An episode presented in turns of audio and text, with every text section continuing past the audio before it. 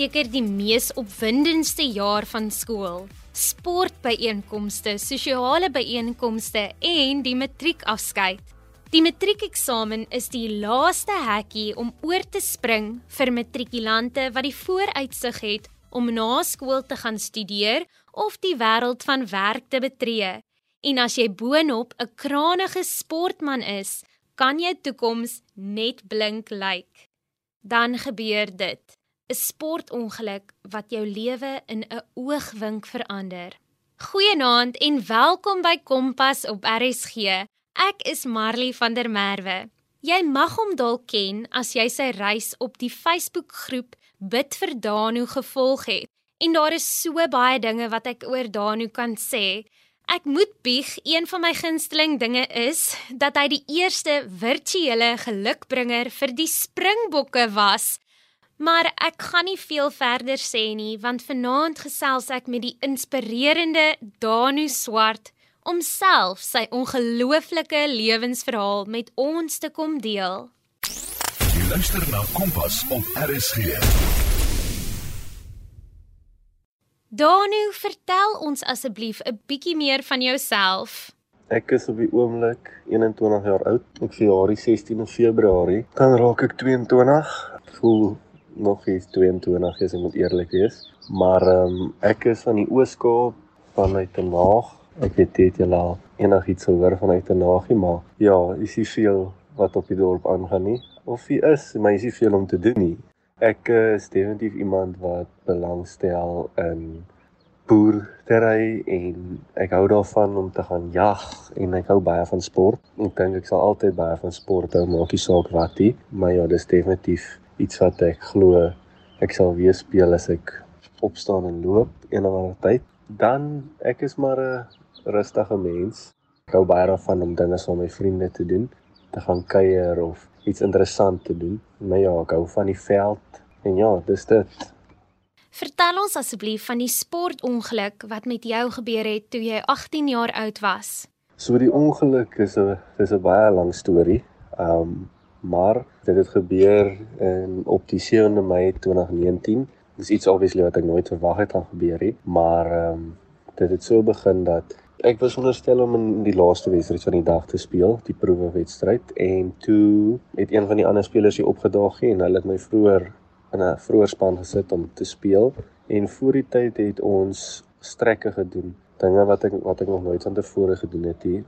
Of ons sê dit maar nie so intensie nek strekke en ek het gewonder hoekom kom moet ons die goeters doen. Dit, dit voel so onnodig. Ja, ek het afgeskop om die eerste helfte te begin en jy weet net aangaan, ek het nie baie die bal gekry in die game nie, maar aangaan en so net voor halftyd het ek met die bal gehardloop en ek was deur en 'n ouetjie het toe van die kant af gehardloop gekom en een van agteraf en toe het ek binnekant toe gestep en Ek het nie geweet die ou van agter af kom nie en hy het hulle die een ou keer my hoog getackle en die een ou keer my laag.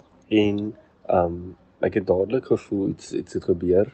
Um ek is nie seker of dit die oomblik is want my nek het gebreek en het getwist. So as gevolg van die twist is dit dat ek minder um handfunksie en die vlak van besering is C4 C5, maar as gevolg van daai twist het ek minder het ek minder funksie oor dit. Maar wat ook gebeur het, een van my eie spelers het toe ek hom geval het, gekom om te clean en hy toe half my bene oor my liggaam oor die nek gegooi en een van daai twee, soos ek kan dit nie, ek kan nie lekker onthou wat op die oomblik gebeur het, maar een van daai twee na dit het ek bly lê. En die game het aangegaan, die ref het nie geweet nie en direk na toe nog iemand te stop die game.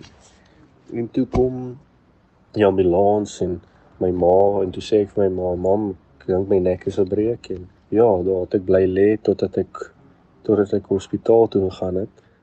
Op pad hospitaal toe moes ons stop vir pyngoeters want ek het gevoel ja, dis bietjie erg um, en toe stop ons om vir my pyngoeters in te spuit en toe ons by die hospitaal kom kan ek onthou die ekstrale en van daar af kan ek nie veel onthou nie net dat die eerste 3 aande het ek in die high care eenheid geslaap toe ek yoghurt geëet. Um maar my klep wat my kos skei na my maag toe en of die klep wat skei van laat goeters na jou maag toe en na jou longe toe gaan, die klep het nie gewerk nie, so toe ek yoghurt eet, toe gaan dit na my longe toe. So toe val my longe plat en ek uh, aspireer en wat ook al, ek het eintlik geaspireer. En toe gaan ek ICU toe en ek was in ICU vir so 3 maande. 2 na 3 maande. Um dan toe het my longe plat geval en wat heelwat goeters gebeur, so toe moes ek 'n traggie kry en ek kon nie praat vir 'n vir 'n hele rukkie nie. Die hele tyd in ICU basically kon ek nie praat nie. En toe na dit toe gaan ek weer high care toe vir so 2 weke en toe van daar af is ek na Aurora Rehabilitasie Hospitaal in Port Elizabeth om weer van voor af te leer eet en praat en half net te oefen en te probeer funksie terugkry. Maar en daar was ek ook vir 3 maande. So daarna het ek eers 'n keer huis toe gekom in 7 maande dink ek. Ja. So dis 'n is nogal 'n lang pad gewees. Danu, hoe lyk die pad of hoe het die pad gelyk na herstel? Ek is seker daar was al baie struikelblokke. Ek is nog op die pad na herstel, maar in die verlede, ek het heelwat operasies gehad. So na die ongeluk het ek nie funksie gehad in om my arms reguit te maak nie, ook nie die gebruik van my hande nie en ons het operasie laat doen in die Kaap uh, deur professor Solomons om my funksie in my hande terug te kry en ook dat ek my arms kan reguit maak. So na die operasie het ek nou my triceps teruggekry, so ek arms reguit maak, maar my hande, die operasie vir dit is pas eers om net my hande oop te maak. Die operasie het gewerk in my regterhand. So toe het ons so 8 weke terug, ja, 8 weke terug die volgende operasie laat doen sodat ek my hande kan toemaak maar net op die regterhand en daai operasie was ook 'n sukses. So ek het bietjie meer funksie nou in my regterhand sodat ek half dinge kan gryp en vashou, maar ek is maar nog steeds besig met die herstelproses. Ja, so ons gaan maar kyk hoe is dit. En dan die pad na herstel, ek kom ek sê so, ehm um, dinge is nie altyd maanskyn en rose nie. Ehm um, jy kry definitief jou moeilike tye in jou struikelblokke in die lewe. So daar's dinge wat oor jou pad kom wat vir jou negatief maak, wat vir jou laat voel ja, jy verstaan nie, jy sien nie die rede in nie. So ja, daar is struikelblokke soos byvoorbeeld 'n mens sukkel maar om by enige universiteit in te kom omrede ek in 2019 moes seer gekry het 2020 moes ek terug gaan skool toe om my matriek te doen en um ek moes gebruik maak van 'n scribe om my toetse en en goeters met te skryf, my eindeksamen en al daai goeters. So dit was 'n uh, dis was 'n effense moeilike pad om te stap omdat iemand anders vir jou skryf. Ja, dit maak dinge bietjie moeiliker. So as gevolg daarvan glo ek my punte het ook 'n 'n dip gevat oor iemand wat vir my moet skryf en omdat ek dink ek het 'n jaar gemis van skool wat ek regtig niks gedoen het nie, eintlik net heeltyd gelê het in die hospitaal. So die feit is dat dis maar nou moeilik om by universiteite in te gekom het. Party universiteite is nie. So dit maak dinge maar moeilik. Dit maak mense negatief want jy's in 'n situasie waarvoor jy nie gevra het nie. So ja, ek dink definitief die herstelproses gaan aan. Ek uh, probeer oefen.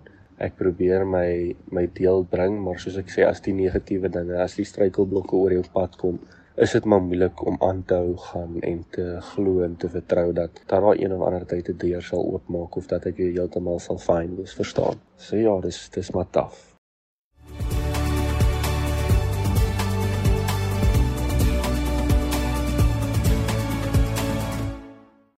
Jy luister na Kompas op RSG en jy kuier saam met my, Marley van der Merwe. Onthou ons is ook beskikbaar op die DStv audiokanaal 813 en OpenView kanaal 615. Danu Swart is voorwaar 'n voorbeeld van deursettingsvermoë. Talle operasies, rehabilitasie en fisioterapie sessies kon nie maklik gewees het nie. Danu vertel nou vir ons hoe hy deur alles positief gebly het. En een van die hoogtepunte van matriek is natuurlik die matriekafskeid. Ek vind ook uit wie Danu se metgesel na die matriekafskeid was.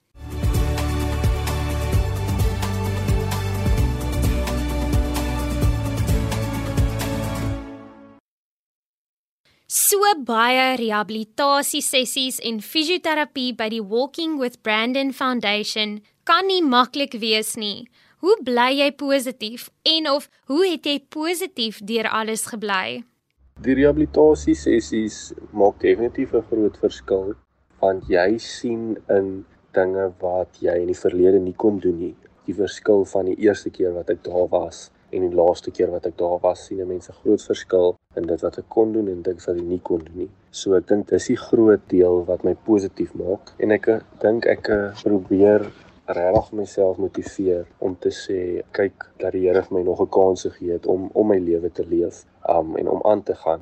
Ek meen dit is nie altyd dat so ongeluk met iemand gebeur en en die persoon oorleef nie. So ek dink dis 'n groot deel van my om die dankbaarheid en om om aan te hou fight vir iets um al al weet ek nie wat voor lê nie, dan ek definitief ja, dis 'n groot rede en ek soos ek sê die, die rehabilitasie om te sien wat jy kan is is definitief 'n groot deel waarvan om positief te bly. Meer die mense is goed by Walking with Brandon. So ja, ek sal enigiemand voorstel vir hulle om om definitief daar daarna toe te gaan. Danu, hoe het die proses gewerk vir jou om matriekeksamen te skryf? Was dit anders as vir ander matrikulante? Die proses vir my om matriek eindeksamen te skryf het was definitief baie anders as wat 'n normale persoon dit sou skryf. Ek uh, ek moes gebruik maak van 'n scribe om vir my die toetse te skryf. So dit was nogals 'n bietjie rof geweest omdat ek nie mal wat in my gedagte inkom dadelik kan neerskryf nie en ook nie dat dit sleg is nie, maar die persoon wat my geskryf het obviously dit was baie nice mens en ak wat ook al, maar daar's 'n tyd wat jy so vinnig praat want jy is bang om te vergeet wat jy aan gedink het dat jy later eintlik maar vergeet omdat die persoon nie vinnig genoeg kan skryf nie. Verstaan? En dis glad nie die persoon se skuld nie. Dis net ek dink dis iets wat dit regtig baie moeilik maak. So dit was maar net die skryf wat ek bietjie taaf gemaak het. Ek het rekenaars toepassing tegnologie gehad, RTT. So daai praktiese deel moet ek ook self gedoen het. Ek onthou die een daai dag wat ek eindeksamen praktiese die eksamen moes skryf het, het ek blaasinfeksie gehad. So ek het letterlik die oggend gaan skryf ek het amper eers ek dink ek het heeltemal klaar gekry nie en daai middag het ek ingegaan vir 'n operasie vir my blaas. So daai was nogal so 'n rowwe dag. Ek het glad nie lekker gevoel nie. As ek blaasinfeksie het, sweet ek en ek voel nie te great nie. So daai was definitief een van die slegste dae in my lewe. En ek dink regtig dit weer eens dit alspeel 'n doel in my eindeksamen.punte. Ek meen, die mense neem nie in ag die universiteit neem nie in ag dit waardeur jy gaan om op 'n rolstoel te wees om so eksamens te skryf en dan half nog steeds goeie punte te kry. Nee, dit is moontlik, maar dit is eintlik baie moeiliker as wat dit voorkom. So ja, ek dink as ek enige uitkyk hoe mense na enige matrikulant kyk, is al klaar moeilik om om toetse te skryf, maar ek dink om 'n matrikulant te wees wat 'n disability het, ek uh, dink dit maak dinge net 'n een stappie bietjie hoër. Danu, jy het selfs na jou matriekafskeid toe gegaan. Wie was jou metgesel en hoekom? My metgesel na my matriekafskeid toe was my suster. Is eintlik is 'n snaakse storie. Dis die eerste keer wat ek weer teruggaan het om iets te doen wat deel is van die skool. So ek het gevoel ek gaan baie gemakliker wees met my suster aan my kant. Half wanneer dinge bietjie rof raak, wanneer ek bietjie stres of wanneer ek bietjie net tyd alleen nodig het, weet sy hoe om my te help, weet sy hoe om met my te praat. As gevolg van die ongeluk het ek obviously gemaak ek gebruik van 'n kateter. So al my vriende het vir my kom kuier in die hospitaal, maar hulle het nooit nodig gehad om daai deel te doen nie. My suster het al geweet hoe dit werk. So dis definitief 'n rede hoekom ek gevra het, haar gevra het om saam met my na my matriekafskeid toe te gaan. Daar was daar was opsies gewees. Ek het op daai tyd het ek met iemand gesels waarmee ek later begin uitgaan het wat ek kon vra maar um, soos ek sê ek het net gemaklik gevoel my suster om saam met my te gaan. Dis definitief ook 'n uh, stappie wat jy wil hê iemand moet by jou wees wat half ook jou situasie ken wat die moeilike tyd saam mee gestap het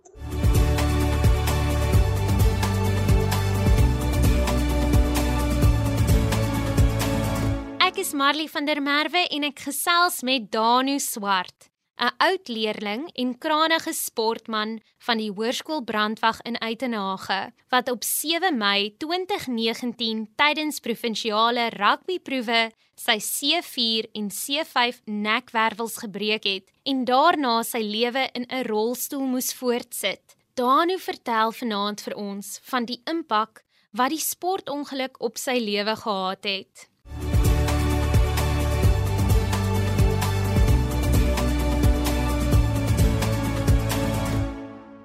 Danu, jy is baie lief vir sport. Watter sport beoefen jy tans? Vertel ons asseblief 'n bietjie meer daarvan. Ja, ek is nog steeds mal oor sport. Ek is regtig baie lief vir sport. So dit is, dis maar moeilik om 'n sport te kry. Van daar is definitief 'n groot verskeidenheid, maar of jy jou funksies wat jy het is nie genoeg om 'n spesifieke sport te doen nie. So ek dink definitief daar's so baie sporte wat ek sal wil doen, maar as gevolg van my funksie soos die die funksies wat ek het, is dit nie fisies my moontlik nie. Um ek het so 'n bietjie probeer om fiets te ry, so jy noem dit 'n hand cycle, maar as gevolg van my spasmas en weer eens die funksie wat ek het, was dit bietjie moeilik vir my om te doen. So ek is op die uitkyk om 'n uh, sport te doen. Ek uh, probeer maar om myself te oefen by die huis bietjie gymwerk te doen en so aan daar is nie regtig op die oomblik 'n sport wat ek doen nie. Ek probeer maar net myself oefen en en half om sterk te bly om half ook alledaagse dinge te kan doen om half ook by die funksie wat ek nie het hier so deur dit terug te bring. Ek was 'n skopper gewees. Ek het die skopwerk in ons span gedoen, so ek het baie daarvan gehou om palle toe te skop en enige skoppe te doen. So in my aftyd het ek daarvan gehou om van ons ou skop of van ons koppers by my ou skool te gaan help. So ek het in die verlede verlede jaar al so 3 of 2 gehelp en hierdie jaar so 1 sover. So ek probeer maar nog steeds my liefde vir rugby en vir skop deur iemand anders uit te beeld. Daar is ook ek kan vir mense bewys hoe lief ek vir sport was of is. Danu, jy was ook die heel eerste virtuele gelukbringer vir die Springbokke. Hoe het jy dit ervaar? Ja, dit was definitief iets spesiaals geweest. Ek uh, meen om deel te wees van so iets is iets wat mens eintlik nie kan beskryf nie. Ek ek dink obviously dit sou nog beter gewees het as dit in persoon as ek die maskot in persoon kon wees, maar as gevolg van COVID was dit nou nie moontlik gewees nie. Maar ehm um, ja, ek dink om half deel te voel van daai span op die oomblik of om met met Sia te kon gesels as klaar my baie lekker gewees. Ek dink mense verstaan nie as 'n rugby speler of 'n ou rugby speler. Ons het altyd opgekyk na die Springbokke so om dit te kon doen was definitief iets iets amazings. Maar dis as gevolg van die players ehm um, wat die geleentheid vir my moontlik gemaak het en hulle speel so groot rol in alles in die herstelproses en in dinge wat jy kort dinge waarmee jy sukkel. So ek dink ehm um, mense sien nie eintlik die moeite wat hulle ook agter die skerms doen nie. So ja, ek self is baie dankbaar vir hulle en die rol wat hulle ook speel in my herstel. Op die herdenking van jou sportongeluk het jy teruggekeer na die veld waar dit gebeur het. Hoekom het jy besluit om juis dit te doen en wat het dit vir jou beteken? Ek het besluit om definitief terug te gaan na die skool toe waar dit gebeur het. Ek dink daai het half vrede gebring. Nie nie dat ek ongelukkig was of so nie, maar half net om weer te prosesseer wat wat deur my kop gegaan het daai oomblik en half agter te kom okay dis waar die ongeluk gebeur het en en iets amazings daai ek het daai dag um, presies op die veld gery en gekyk en uitwerk waar die ongeluk gebeur het en presies op daai plek het daar mushrooms gegroei. So dit was iets iets anders geweest. Ek weet nie hoe presies op daai plek kon dit gebeur nie, maar um, ja, ek dink daai het 'n groot rol gespeel in, in net te besef weer eens okay, hoe gelukkig ek kan wees om nog 'n kans te kry op die lewe en en net dankbaar te wees vir dit wat ek het op die oomblik of op daai oomblik gehad het. Ek dink die rede hoekom ek teruggegaan het was maar net om om half om om closure te vind en agter te kom dat dinge in 'n oogwink kan verander. Jy kan vandag perfek wees, jy kan vandag on top of the world wees, maar net so vinnig kan jou lewe draai en en verander.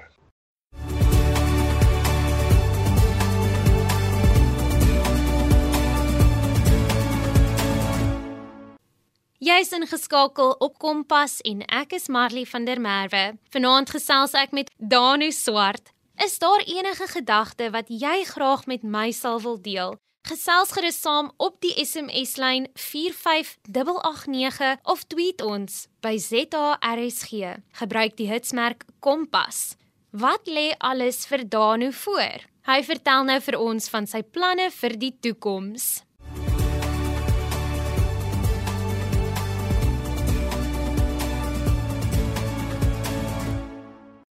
Danu, wat is jou toekomsplanne? So die toekomsplanne is maar eintlik 'n groot rollercoaster gewees. Van die een oomblik weet ek nie wat dit is nie, die volgende oomblik verander my hele lewe weer eens. My plan is om Potch te gaan. Dit is die deur wat my oopgemaak het om bietjie daar te gaan studeer. Ek wou eers in Stellenbosch gaan studeer het in die agri rigting, maar ons verskillende redes wat gekeer het dat dit nie gebeur nie. Het ek die kans nou gekry om in Potch te gaan studeer en nie in die agri rigting nie, want fisies die praktiese deel sou nie so maklik vir my wees om te doen nie. En ehm um, ook oor my punte en 'n paar ander redes was die Stellenbosch situasie nou nie vir my moontlik nie. So ja, ek het eintlik eergister gehoor dat ek aanvaar is om in Potch te gaan swat. So dinge is nou op die oomblik baie vinnig besig om aan die rol te kom. So ja, ons is besig op die uitkyk vir blyplek en al daai goedjies moet nog gebeur. So hopelik na ek gestudeer het, my plan is nog altyd gewees ek wil in Hermanus gedeelte van die wêreld daar graag bly en op 'n plaas werk en dit is definitief my uitkyk oor die lewe so oor so 4, 5 jaar hopelik is dit waar ek is. Dis vir my wonderlik om te sien hoe baie ondersteuning jy en jou familie tot dusver ontvang het. Is daar spesifieke mense vir wie jy nou wil dankie sê? Ja, mens kan nie mens kan nie iemand uitsonder en presies dankie sê vir iemand nie want ek dink regtig daar's te veel mense maar ek uh, kan nie vir jou beskryf die ondersteuning wat ons gekry het toe ek in die hospitaal was nie. Definitief die skool brandwag self het 'n baie groot rol gespeel met fondsinsamelings en en die ondersteuning self. Daar was so baie mense wat my ondersteun het daai tyd en nog steeds ondersteun. Maar ek dink definitief ek, ek moet van die geleentheid gebruik maak om om vir my ouers dankie te sê, my ouers en my susters dankie te sê wat al die tyd kom kuier het by die kant van my bed was, my deur die maklike en die moeilike tye ondersteun het. Dat daar baie maklike tye was nie, maar definitief vir hulle dankie sê en en ook my vriende. Dink definitief hulle sal weet wie hulle is, die rol wat hulle nou nog in my lewe speel, deur om my deel te maak van verskillende tye en en plekke waartoe ons wil gaan. Al is daar trappe by die plekke, dra hulle my op en niks is ooit te moeilik vir hulle nie. So ek dink ja, hulle sal definitief weet wie hulle is. So ek is baie dankbaar vir hulle ook. En dan ja, ek soos ek sê, ek wil nie iemand uitsonder nie, maar um, ek dink definitief die mense weet wat se rol hulle in my lewe gespeel het. So ek kan eintlik maar net dankie sê vir almal wat uh, wat 'n groot rol gespeel het. Danu, hoe sal jy graag wil hê dat mense jou eendag moet onthou? Dis 'n rowwe vraag. Ek weet jy ek ek sal definitief wil onthou word as iemand wat jy opgegee het he, en iemand wat probeer het om meeste van die tyd positief te wees, iemand wat ander mense se lewens ook wil aanraak en verander, iemand wat altyd sou wil help. Ek uh, dink regtig die mense wat my ken en weet van my sal daai goeters daarom goedkeur, maar daai is definitief definitief die goeters waarvoor ek graag sal onthou wil word. Danu, het jy enige laaste woorde wat jy graag met ons luisteraars sal wil deel? Ja, ek dink definitief as ek iets moes sê, sal ek sê dat moet nooit opgee nie. Dinge kan hoe rof lyk of dinge kan hoe hoe moeilik lyk, maar weet net daar's altyd 'n rede of 'n doel vir iets om te gebeur en uh, ek weet ek sê dit altyd vir almal dat wanneer jy dink jy's in 'n rowwe situasie of dat dinge nou moeilik is vir jou, onthou net dat daar altyd iemand in 'n moeiliker of 'n rowwer situasie is as wat jy nou is en probeer altyd die beter kant in 'n moeilike situasie sien. Ek weet dit is baie moeilik maar ek glo as jy positief dink daaroor, positief ingaan daarin, dat jy die situasie kan draai na na 'n positiewe ding toe.